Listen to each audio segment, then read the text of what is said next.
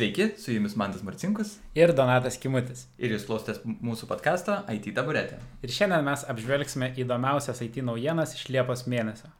Kaip visada pradeda Mantas. Taip, tai šį kartą turim security naujienų, nes tikriausiai didžiausias įvykis, kas nutiko Liepos mėnesį, tai buvo twit, ataka prieš Twitterį ir ties, iš tikrųjų ties tam tikrom uh, paskyrom, pačiam populiariausiam pavadinkime. Ir buvo nulaužtos Joe Bideno, Jeff Bezos, Barack Obamos, Elono Musko, Michaelo Bloombergo ir Warreno Buffeto e, paskyros. Tai ir ką jie padarė, nu, tose tweetai tai buvo paskelbti, kad, e, žiūrėkit, e, jeigu atsiūsys man bitkoinų, tai aš tada ten gražinsiu Dvigubai. n- daugiau, dešimt kartų daugiau. Ten, dešimt. ne, Aha. Didžiulė, didžiulės. E, sumat, ale. Tai vienas dalykas, tai Twitteris greit susitvarkė, nes, nu, pastebėjo labai greitai, e, bet vis tiek e, buvo ka- skaičiavimų, kiek transakcijų bitkoinų tuo metu įvyko, tai apie 117 tūkstančių doleriais, tai vis tiek kažkas tai pavyko kažkam tai, dabar kas atsitiko, tai iš principo buvo trys žmonės, kurie dabar jau yra pareikšti jiem kaltinimai ir jie tiesiog social engineering būdu nu, privertė kai kurios darbuotojus pri, nu, leisti gauti prieimą prie administracinių įrankių Twitterio. Mhm. Ir jie tada pasinaudoja šituo skylę žmonėse, pavadinkim, ir, pasinau, nu, ir tada pal- paleido tos tweetus. Tai va, tai toks įdomus dalykas, kad net ir didžiausios kompanijos turi va tokių va problemyčių, kur nu, paprasti žmonės dažniausiai yra klaida, nu, kažkokias va security riskas, pavadinkim.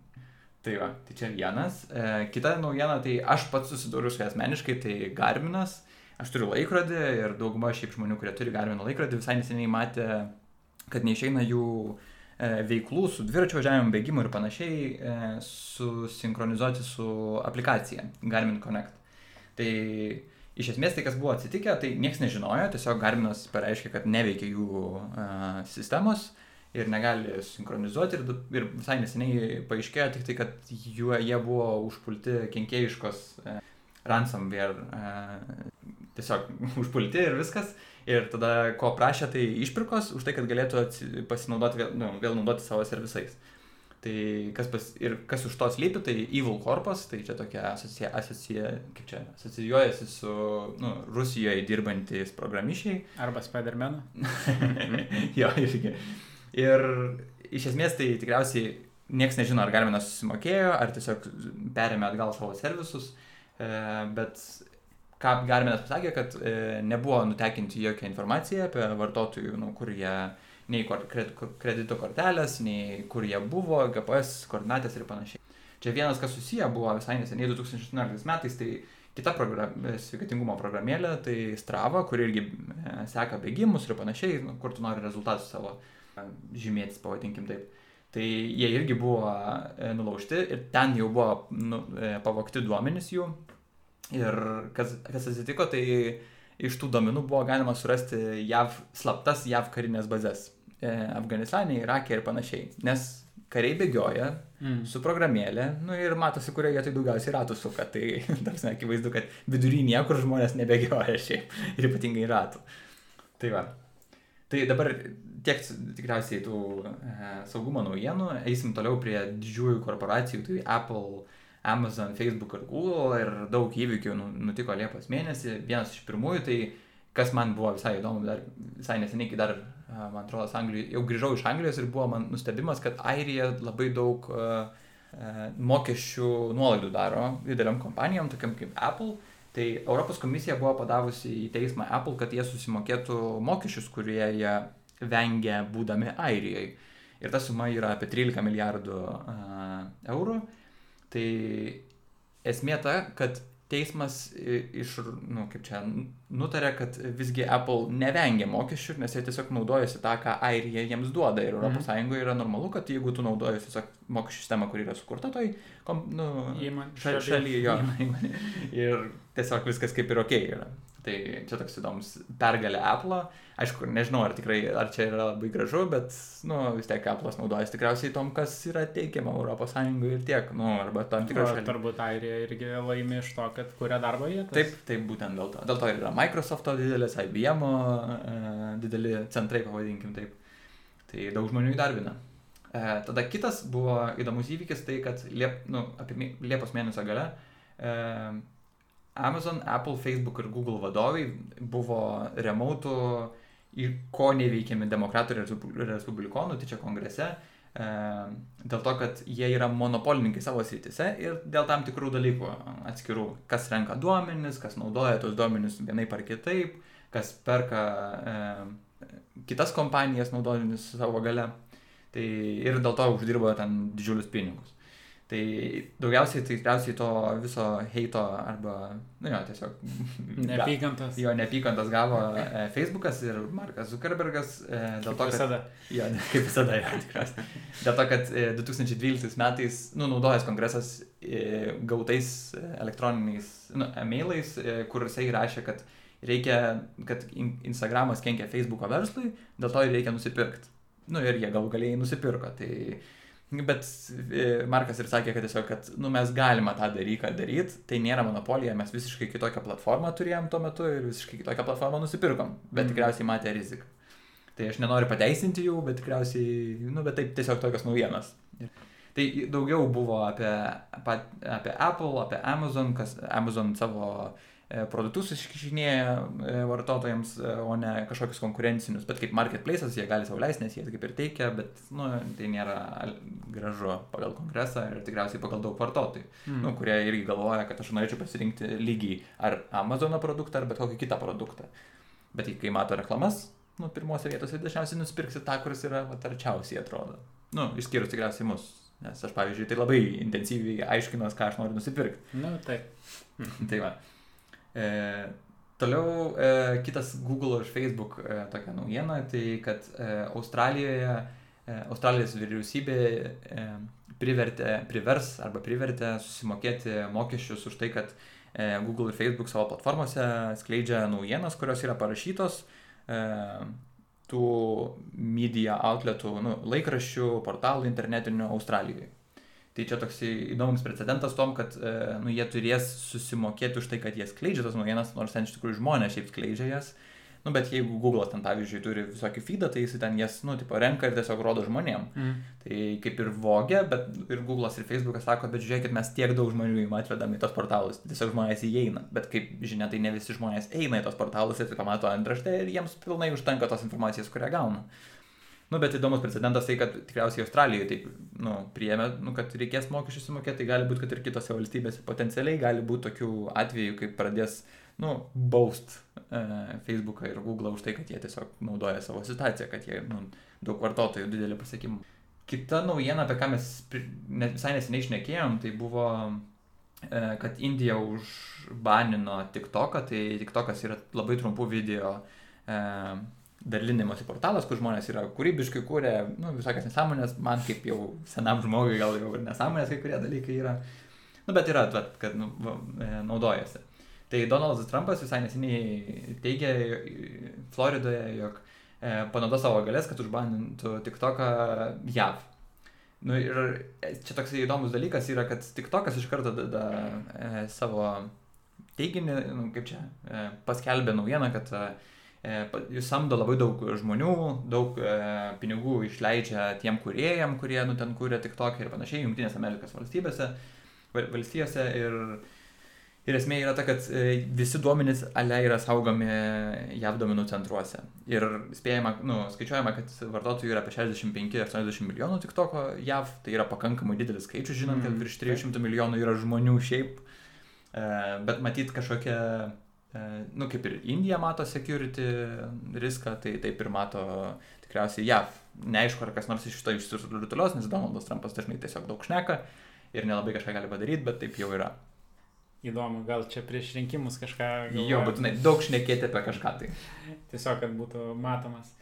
Tai va, ir birželio mėnesį buvo e, pasaulinė programuotojų konferencija, Apple programuotojų konferencija, apie kurią Mantas e, šiek tiek kalbėjo. Ir ten buvo paskelbta viena naujiena, jog dabar reikės, bent jau iOS e reikalaus, e, jog kiekviena programėlė, kuri trekina žmonės ir jų duomenis renka, e, paprašytų sutikimo iš Mm. žmonių. Nu, čia taip pat kaip kukius. Tau savo accepting, tai čia accepting, kad tave trekinsim. Ir, ir vat Liepos mėnesį padarė apklausą, kiek iš tikrųjų žmonių e, sutiks su tuo. Ir Mhm. Net 68 procentai nesutiks, kad trekintų jų duomenis, bent jau taip sako žmonės. Aha. E, ką tai reiškia? Tai reiškia, kad daug labai aplikacijų praras savo turbūt ir pajamas, nes, nu, su tais duomenim jie kažką daro ir kažkokias gal reklamas pagal tai kustomizuotas duoda. Kas irgi yra įdomu, kad e, jeigu už trekinimą pasiūlytų kažką tais, tai 38 žmonių, procentai žmonių pakeistų savo nuomonę.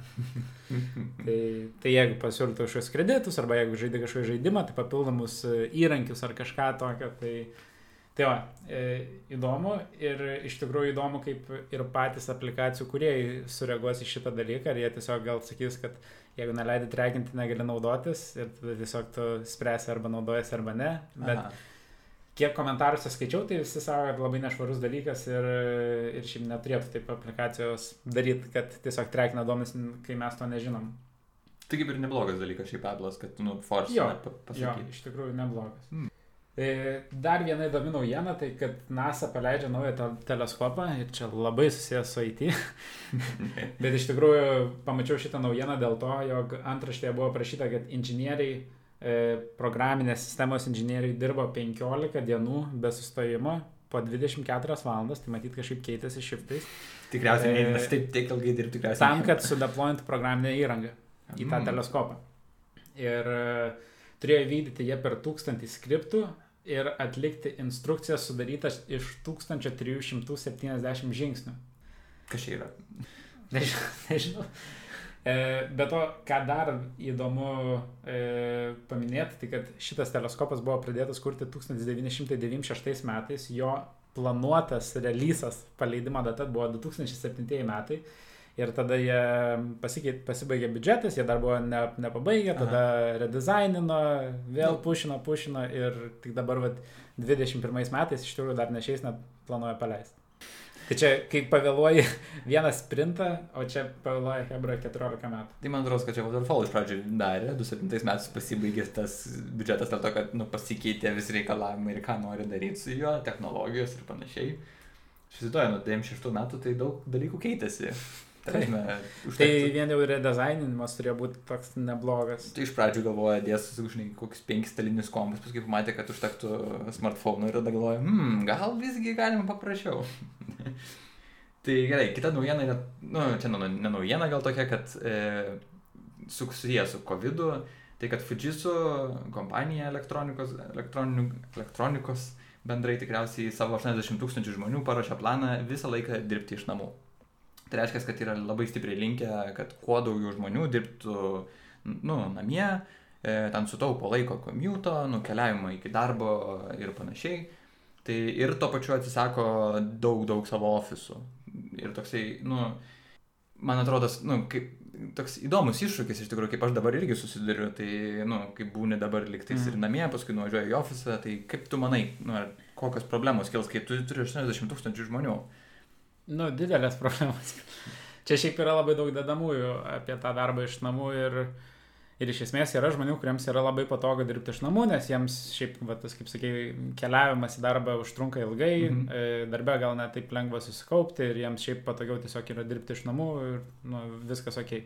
Tada yra kita grupė žmonių, kurie turi, pavyzdžiui, mažų vaikų ir neturi pakankamai vietos ir išeina į ofisą ir ten gali daug geriau susikaupti. Mm. Ir jie galbūt kaip tik dar ir orientavo savo būsto pirkimą arba nuomą į konkrečią lokaciją, kad būtų arčiau ofisų, už kurią tą lokaciją moka brangiau, bet dabar nebereikia eiti į ofisą. Na nu, tai mm. ten yra labai daug tokių vingių ir tarp kitko dar vienas įdomus dalykas yra tai, kad ne visos kompanijos kompensuoja E, įrangos įsigijimą, jeigu vad siūlo dirbti iš namų, kas irgi, manau, yra nelabai fair, e, bet taip yra. Sutinku, taip, iš tikrųjų čia gan toksai sudėtingesnis dalykas, kai žmonės dar ypatingai, paimkim tą socialinį aspektą, kur žmonės nori susitikti su žmonėm. Mano komanda visai neseniai pirmą kartą susitiko, nu visą kartu. Mm. Ir mes iš tikrųjų gan džiaugiamės to, to tokiu gyvų bendravimu ir dabar vėl grįžta po truputį, nu mes vis daugiau koronaviruso atvejų Lietuvoje turim, vėl grįžta visokie apribojimai, būti su kaukiam visur ir panašiai. Tai kaip tu galvoji, pas mus kompanijos embracins šitą dalyką ar ne? Kad dirbti iš namų. aš manau, kad embracins iki tam tikro lygmens. E, Tai nebus, kad visi dirbtų iš Aha. namų, bet dalis, manau, kad turės dirbti iš namų ir, ir irgi bus gan didelis iššūkis, nes bus introducintas tas flexeatingas, kur ofisai bus daug mažesni negu, negu kad yra žmonių. Reikės tada kažkokią sistemą turėti, kaip pasirinkti. Čia galbūt gal kažkas klauso, nori padaryti tokią ir parduoti, nes manau, kad jos reikės. Tai, Aha. tai iš esmės e, manau, kad dalinai bus Lietuvoje. Nu Jo, tai aš tik primenu, kad Google ir Facebook, Facebook jau e, iki šių metų pabaigos e, nusprendė, kad nu, žmonės galės dirbti, kuriem tik nori iki metų galo. Tai manau, kad tas gali ir prasitęs toliau. Hmm. Gerai, tada galime pereiti prie, e, kaip čia pavadinti, karkasų, kalbų ir įrankių atnaujinimų e, naujienų. Tai beveik visi, ar visi, visi turbūt yra susijęs su Microsoft, e, nes Microsoftas mus remia labai. tai va, tai pirma naujiena yra, kad PowerShell 3.6 preview'as jau išėjo, nieko per daug ten e, jame nėra, pagrindė bugfixai, bet e, jau šeštas preview'as, tai tikriausiai išeis kartu su e, .NET 5, Mhm. galbūt, nežinau. Tada Windows Package Managerio nauja versija taip pat išėjo, labai komplikuotų pavadinimų, tai ne, ne, neminėsiu. Čia ta, tas package manageris, apie kurį kalbėjom per praeitą Mhm. podcastą, kad bus galima labai lengvai e, pasirašyti skriptukus, kuriuos instaliuojam programinę įrangą, tai jie vėlgi ten introducino keletą naujų feature'ų, bet daugiau mažiau buvo bugfixai. Mhm. E, Ta pati istorija su Windows terminalu, e, šiek tiek paspalvinimų ir konfiguracijų introducino, bet nieko daugiau. Tai preview versija 1.2 ir tada .NET 5 ir Entity Framework Core e, 5, e, ne, ne 5, Entity Framework Core e, 5, atsiprašau, jo, e, 7 preview'as išėjo. Jie abu kartu visada išeina ir pasižiūrėjau, septintas prieigos, septintą mėnesį, tai kas mėnesį realiai ir leidžia. Mes kiekvieną podcastą apie tai ir kalbam. Tai labai neįsiplėsiu, bet verta paminėti e, e, gal du feature'us iš Entity Framework Core. Tai vienas yra ant Change Trackerio clear funkcija, tai kad jeigu tu nori, kad nebetrekintų tavo objektų, tiksliau, Mhm. kad išvalytų tai, ką dabar jau trekina, tai tiesiog iškvieti clear, viską išvalo, labai patogu Mhm. ir introducino save pointus, tai kad būtų galima granulariau, moduliariau valdyti savo transakcijas. Aha. Tai kad tu galėtum turėti kažkokius, na, nu, kaip e, žaidimą žaidži ir turi checkpointus ir misiją turi, ne, nu, tai transakcija visa yra misija, o save point yra checkpointai. Tai.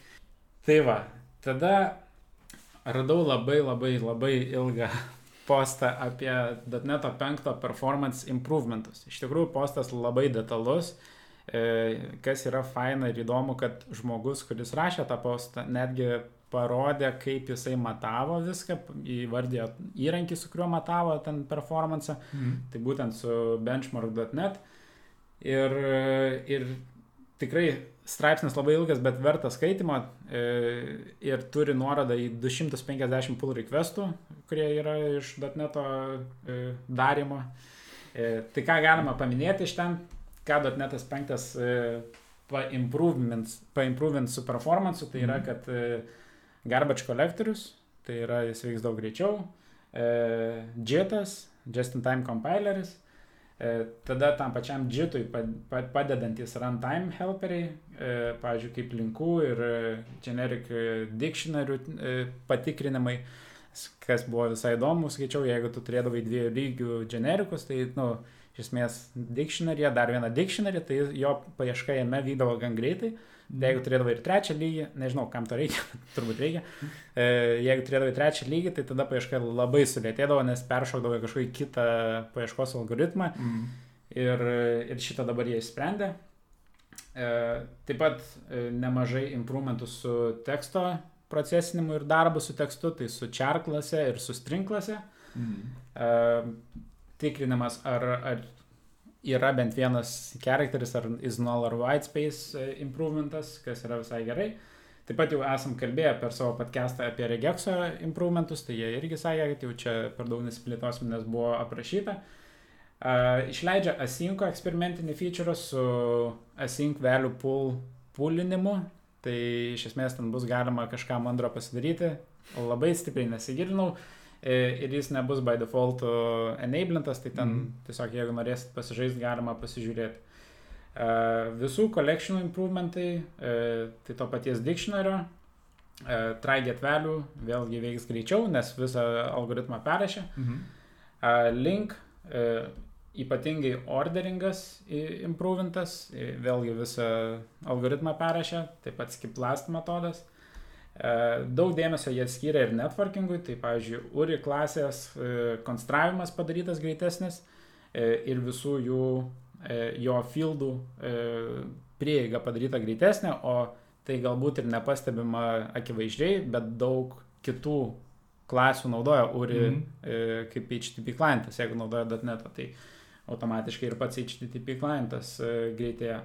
Taip pat e, soketų implementacija ant Linuxų improvinta, HTTP 2 improvinta, e, Daytime klasė perrašyta ir taip pat improvinta ir ten viskas yra surašyta lentelėje, kaip e, ir kiek improvinta ir kai kurie iš tikrųjų labai ryškiai yra e, pagerėję. Mhm.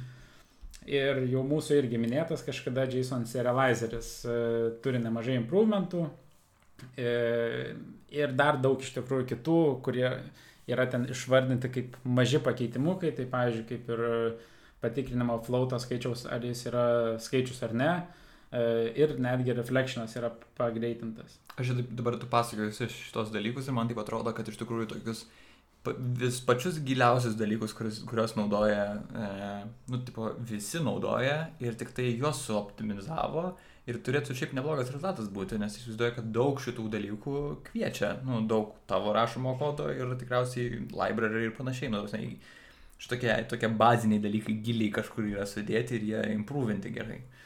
Jo, ir, ir netgi jie patys rašė, kad dabar kurį laiką buvo koncentruojamasi į programuotojo produktyvumo kėlimą, mm. tai, tai realiai, kad programuotojai būtų lengviau kodinti, kad jam būtų didesnė pagalba ir taip toliau, o vad būtent šitas releasas labiau orientuojasi į performance, Mm. kas yra visai fain. Jo. Ir, ir dar vienas dalykas, kurį paskelbė kaip ir .NET teamas, kaip ir ne .NET, jie vadinasi Productivity teamas, a.k.a. Roslin.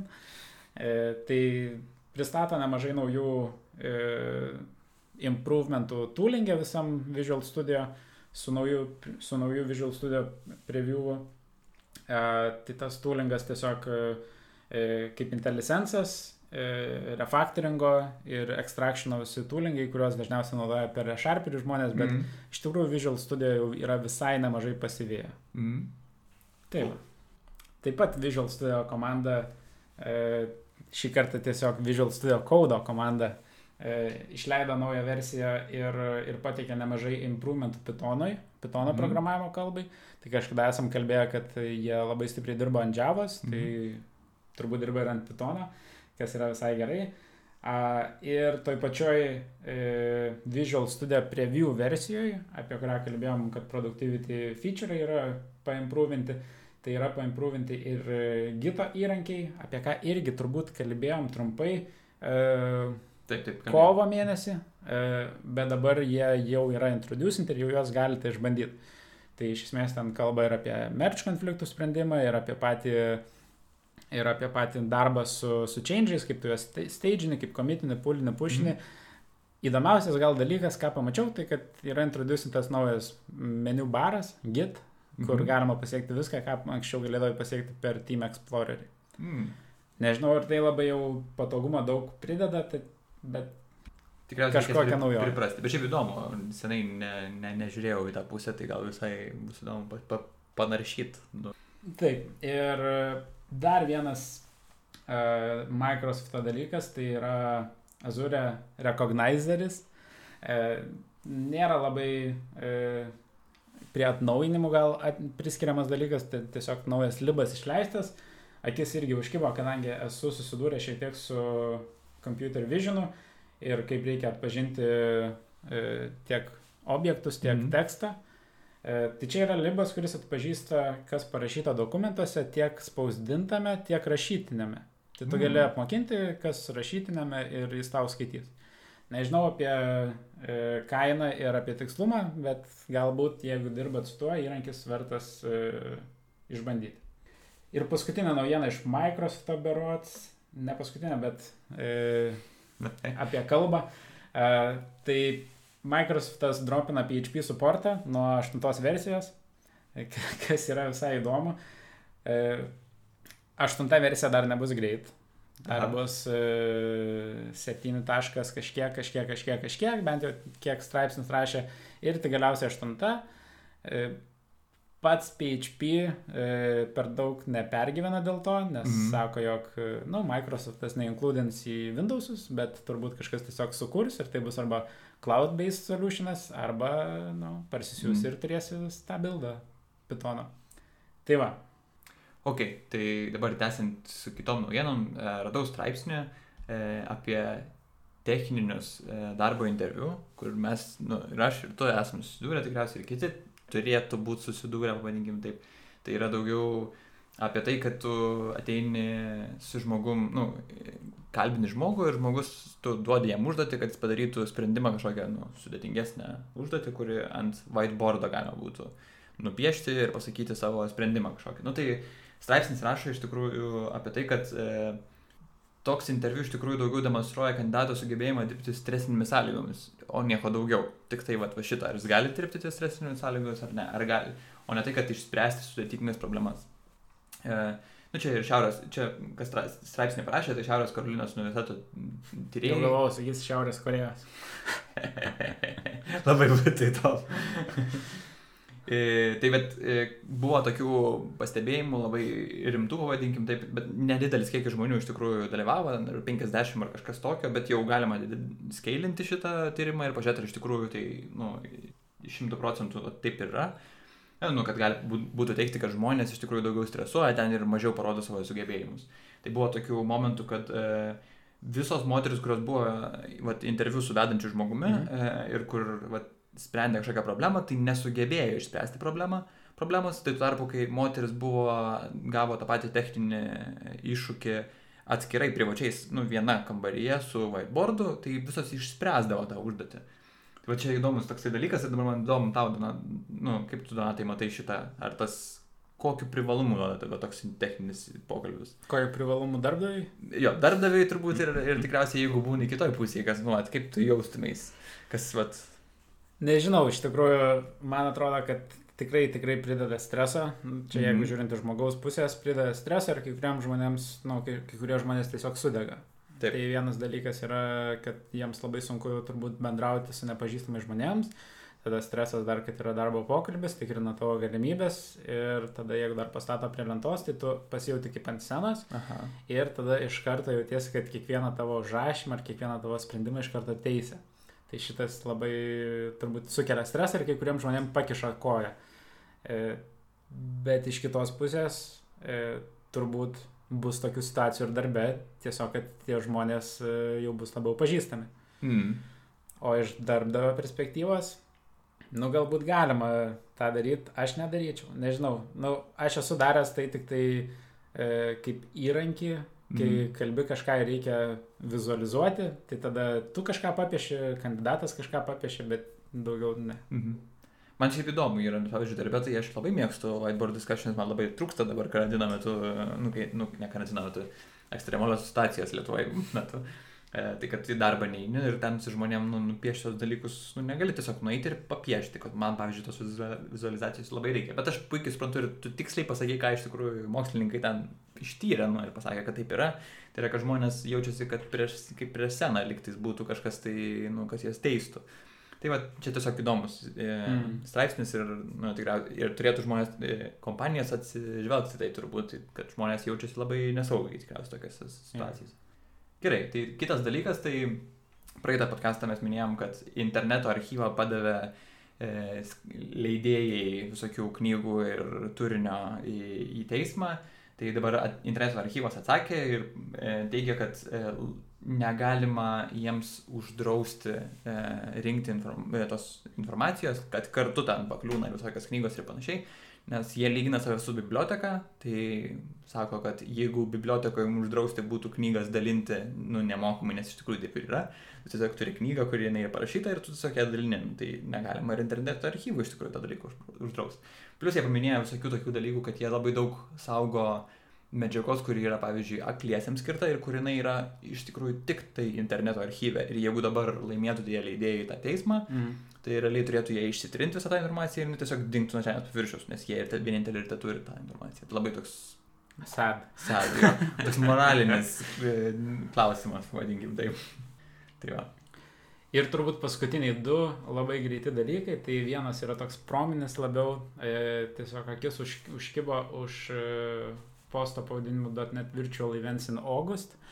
E, tai rūpiutį bus visai nemažai e, online'inių eventų .NET pasaulyje. Tai galima tiesiog prisijungti, pasižiūrėti e, kažkokius pykus, ten kaip user grupai, kaip .NET crowdas, kažkas tokio. Mhm. E, manau, kad visai faina, galbūt kažkam įdomu, galbūt kažkas jau tai ir daro. Ir tradiciškai populiariausias Stack Overflow klausimas, kuris yra visiškai ne iš mano sferos ir aš jo nelabai suprantu. E, bet klausimas skamba taip, ar yra elegantiškas ir greitas būdas ištestuoti vieno bito integerius, integerius ar jie turi uh, besijungiantį regioną. Contiguous region. Aha. Na ir čia žmogus tiesiog e, parodo, kas yra contiguous regionas, kas yra ne contiguous regionas, tada aprašo funkciją, kurią jis naudoja C kalboje. Ta funkcija iš trijų eilučių, e, bet jinai kviečia dar, du papildomus, dar dvi papildomas funkcijas, paskaičiuoja ir čia just for fun iš, išlistina, kurie yra contiguous, kurie nėra. Ir klausia, ar yra gražesnis būdas padaryti tai, e, išspręsti šią problemą. Nu ir vienas žmonių, Erik Postpichil, e, davė funkciją, kuri yra sudaryta iš vienos eilutės, iš returno tiesiog. E, ir atrodo taip, x and x plus x and minus x lygu lygu 0. Na ir jis čia iš tikrųjų paaiškina. Loginė operacija kažkokia. Jo, jis paaiškina, ką tai reiškia. E, Pa, paaiškina ir in short version, ir- ir in long version, kas man visai patiko. Tai komentaras, kuris susilaukė beveik tiek pat, e, nu, nemažai vautų, 31. Uh, I hope if you ever write such code in production, you include the explanation in the comments. Nu, tai kad iš esmės, kad paaiškinsi savo kodą, nes tokį kodą pažiūrėjau žmogui, kuris nelabai supranta ir nelabai žino, ką tai reiškia. Nu, turbūt Nemanau, kad nelabai ir sužinota. ir nelabai ir su, sužinosi, jo, nebent uh, tas žmogus dar dirbs tai įmonai. Net ir tikriausiai po poros mėnesių iš tikrųjų būtų labai sunku susir... pagalvoti, aha, ką aš ten turėjau omeny. Nu įdomu iš tikrųjų. Įdomu. Tai ačiū klausytojai, kad klausėte.